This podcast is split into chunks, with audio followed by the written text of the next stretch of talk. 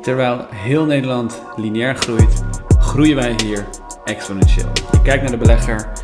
Welkom, want het wordt een hele belangrijke week voor tech-aandelen. En waarom wordt het een belangrijke tech-aandelen? Zoals jullie weten, als je mij een tijdje volgt, ik ben een lange termijn belegger. En op de korte termijn is de beurs vrijwel altijd een soort casino, een soort gokmachine.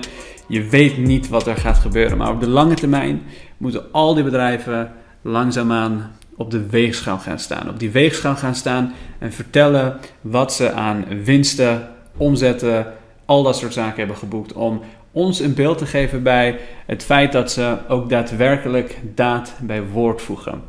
Dus al die mooie praatjes over um, een geweldig product, al die mooie praatjes over hoe goed ze voor aandeelhouders zijn, al dat soort zaken. Nou, dat komt allemaal bijeen wanneer bedrijven kwartaalcijfers produceren. En deze week wordt vooral belangrijk voor tech. En waarom? Als we kijken naar welke bedrijven deze week hun kwartaalcijfers uh, uitbrengen, dan zie je vandaag, einde van, van de dag, als allereerste Facebook staan. En Facebook wordt eigenlijk een van de belangrijkste als het op advertentietechnologie aankomt. En de reden is puur en simpel. Snapchat die heeft een tijd geleden, vorige week, hun kwartaalcijfers gerapporteerd en daarin ook aangegeven dat ze enorm veel last hebben gehad van um, de nieuwe veranderingen binnen iOS, oftewel Apple's iPhones. En daarin uh, geeft Apple minder toegang tot, voor adverteerders tot um, uh, gebruikersspecifieke data. En dat maakt het zo dat advertenties minder um, gericht kunnen, kunnen worden. Dus Facebook die gaat nu op de weegschaal staan en die gaat laten zien hoe ze um, zijn door die veranderingen van de iOS. En als dat enorm is, dan kan je ook bedrijven zoals Google, bedrijven zoals de Trade Desk, alles eigenlijk wat met advertentietechnologie te maken heeft, ook zien dalen. Dus Facebook wordt interessant. Facebook staat overigens ook ontzettend slecht uh, in het nieuws op dit moment. Maar goed, daar gaan we het zo meteen over hebben. Daarnaast AMD, uh, Alphabet, oftewel Google, Microsoft, Robinhood, Twitter, um, Twilio, ServiceNow, eBay, Shopify, Amazon, Apple.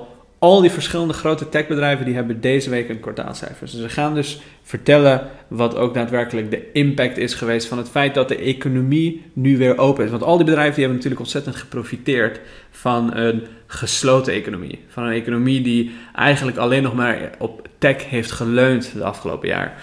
Maar wat zijn de resultaten nu? Kunnen ze de groei die ze tot nu toe hebben bewerkstelligd, kunnen ze dat vasthouden? Uh, is het houdbare groei?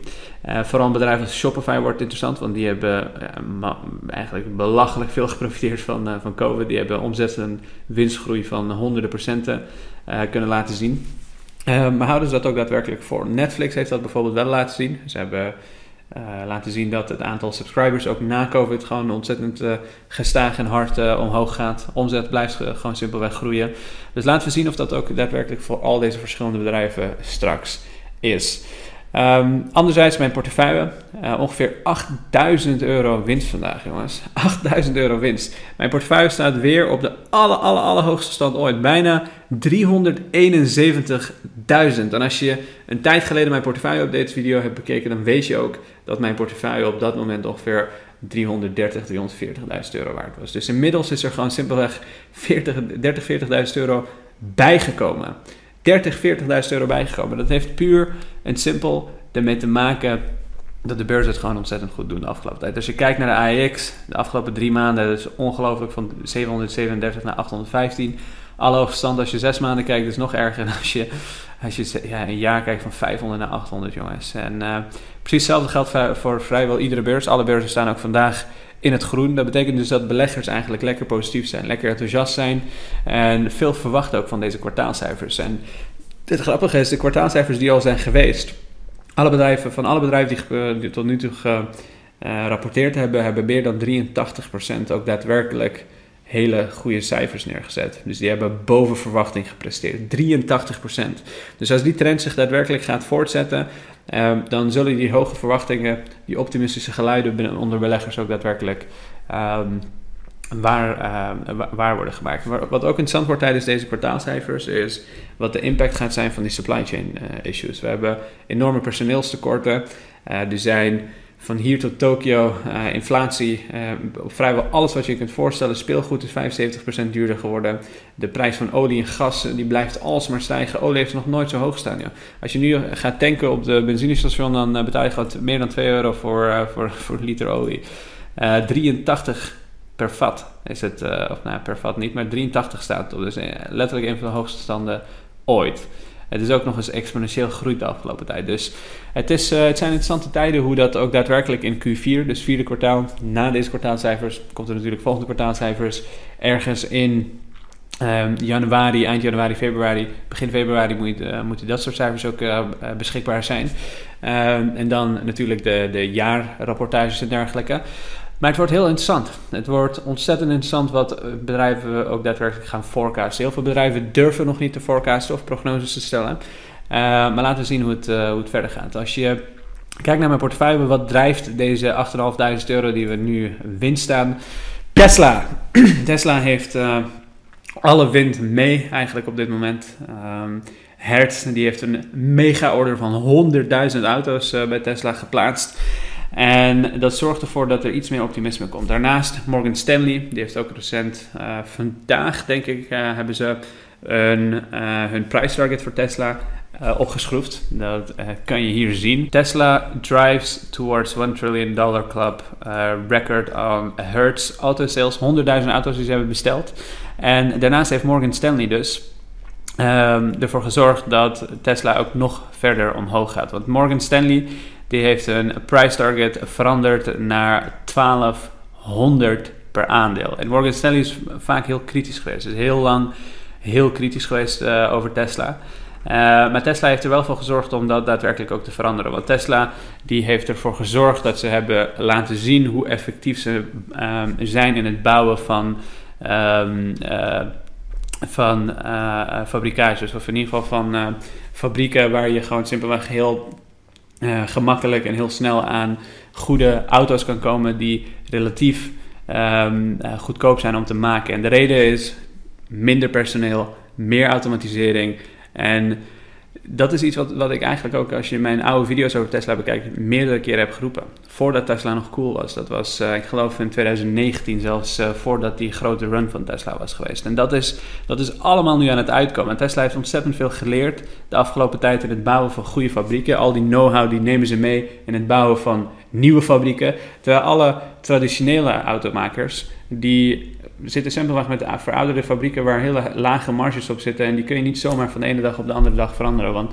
het is ontzettend kapitaalintensief. En Tesla die heeft de unieke kans gekregen als een nieuw bedrijf om eigenlijk dat hele proces van supply chain, uh, om dat volledig vanaf het begin in te richten. En dat uh, geeft een heel duidelijk competitief voordeel. Dat is ook wat Morgan Stanley inmiddels twee jaar later nadat ik het zei, of nadat heel veel uh, Tesla-beleggers het uh, zeiden, um, ook aan het zien is. Want of, uh, Morgan Stanley die zegt namelijk dat ze verwachten dat Tesla in plaats van de gebruikelijke, of de verwachte 6 miljoen auto's, 8 miljoen auto's gaat produceren. Dat is 2 miljoen meer auto's dan dat ze daadwerkelijk verwacht hadden. Dus heel erg gaaf om te zien dat dit ook daadwerkelijk uitkomt. Bijna 10% winst. Uh, 130% sta, sta, ik er nu op uh, na de split. Is natuurlijk veel, veel hoger, meer dan uh, 1000% uh, in, in totaal. maar ook andere bedrijven doen het goed. Minecast, IPN, AvePoint, MongoDB, Nvidia. Vrijwel alle bedrijven die doen het op dit moment goed in mijn portefeuille. Waardoor dus die 8.500 winst en die all-time highs blijven maar komen. Inmiddels is het 371.000 winst. Laten we even kijken naar een aantal van die kwartaalcijfers. Dus Facebook hebben we het heel kort over gehad. Van Facebook wordt verwacht dat als ze op de weegschaal gaan staan straks, dat ze 3,17 per share, oftewel winst per aandeel, en een omzet van 29,59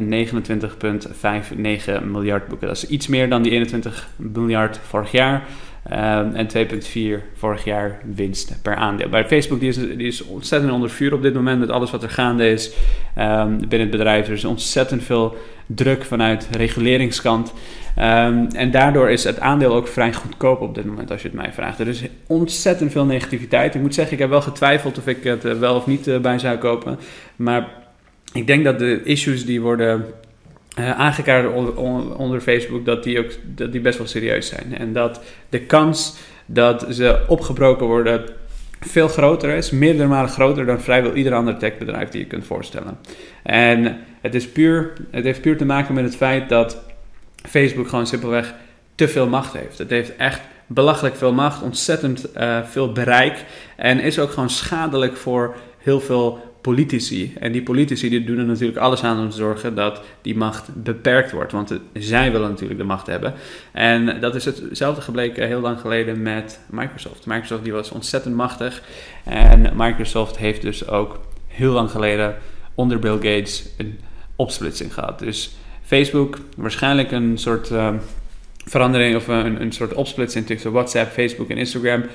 Lijkt me niet heel erg onlogisch. Maar nogmaals, Take het voor wat het is. Misschien heb ik het volledig gemist, maar dat is de reden dat ik zelf niet in, uh, in Facebook beleg. Um, daarnaast Microsoft, dus een bedrijf waar ik wel in beleg, 2,7 per share wordt er verwacht. Um, 2,07. 43,97 ja, miljard wordt er verwacht. 35 vorig jaar was het en 1,82 vorig jaar. En Microsoft is misschien wel een van de meest interessante bedrijven, denk ik, om in te beleggen. Als je naar mijn mening, ik gebruik eigenlijk Microsoft als een soort cashpositie. Ik denk dat Microsoft bijna niet mis kan gaan de komende vijf jaar op zijn minst. En de reden is dat ze in heel veel sectoren zitten waar ze marktleider zijn, waar ze fantastische producten hebben, die alsmaar en echt ongelooflijk hard blijven groeien. Uh, en ze doen het daardoor ontzettend goed. Kijk, als je, als je in de cloud business zet, die een van de uh, beste cloud services aanbiedt, die het hardst groeit, dan uh, zit je gewoon in de juiste eh, sector. Als je in de gaming zit, die ontzettend hard uh, aan het groeien is. Als je in de work from home trend zit, die, waar heel veel bedrijven gebruik van maken. Als je binnen cybersecurity zit, als je binnen productivity tools zit. Dan ga je het als bedrijf gewoon simpelweg fantastisch blijven doen op zijn minst de komende vijf jaar. Naar mijn mening. En de reden is uh, een van de belangrijkste redenen voor productivity tools is, zijn bedrijven zoals Shopify, of uh, niet Shopify, maar Workday bijvoorbeeld of uh, Salesforce. Die gaan heel erg profiteren van die, van die productiviteitsgedeelte van hun business. En de reden is, heel erg veel bedrijven kampen met personeelstekort. En wat doen bedrijven, beursgenoteerde grote bedrijven, als ze kampen met personeelstekort? Eén, proberen mensen aan te nemen. Dat is lastig, want die tekort is natuurlijk niet voor niks. Je kan niet extra mensen creëren opeens die uh, bepaalde vaardigheden hebben. Maar je kan wel de mensen die je hebt productiever maken, zodat ze meer produceren per persoon of per medewerker die, die je aan hebt. En dat is aanneemt en dat is waar al die productiviteit tools ook daadwerkelijk voor zorgen. Dus heel, heel belangrijk, uh, heel belangrijk bedrijf ook binnen mijn portefeuille. Um, Apple die gaat binnenkort ook um, op de weegschaal staan. Um, daarnaast Amazon, daar wordt ook ontzettend veel van verwacht. Maar dit zijn bedrijven die ik over de komende tijd ook daadwerkelijk ga behandelen op dit uh, kanaal, de komende week. En het wordt dus echt een cruciaal moment. Gaan die bedrijven het waarmaken? Gaan die bedrijven dusdanig groeien dat ze ook laten zien van... hey, tech is here to stay. Het is niet een tijdelijk ding geweest tijdens uh, COVID. En die groei die blijft er simpelweg in. Ik uh, ga het in ieder geval uh, uh, de komende weken behandelen. Dank voor het kijken en laat me weten wat jij denkt dat techbedrijven gaan doen. En nu je er toch bent, laat even een like achter, want dit soort video's worden dan gezien door een breder doelgroep. En daarmee help je mij en het kanaal groeien. Dus dankjewel en vergeet niet om die like achter te laten.